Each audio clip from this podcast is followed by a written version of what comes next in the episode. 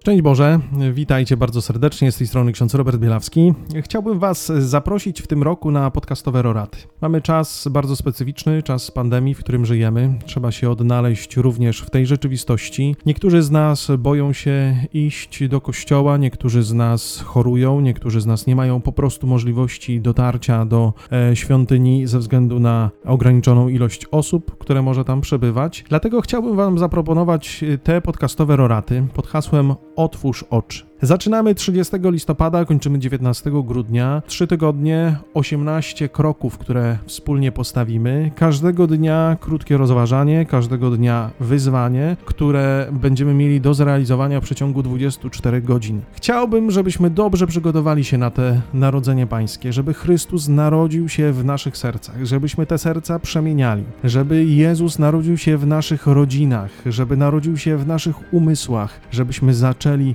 otwierać oczy i widzieć świat, swoje życie, życie swoich bliskich oczami samego Boga. Zapraszam Was na tą przygodę audio. Znajdziecie te roraty na Spotify'u pod hasłem Otwórz oczy roraty, na Anchor FM, na stronie e, Facebooka Diecezji Legnickiej. W tych trzech miejscach będziemy każdego dnia. Rozpoczynamy 30 listopada w poniedziałek o godzinie 6 rano zawsze na tych platformach odnajdziecie kolejne odcinki. Do zobaczenia. Mam nadzieję, że te roraty będą duchową przygodą, duchowym wzrostem wszystkich nas. Do zobaczenia. Z Bogiem.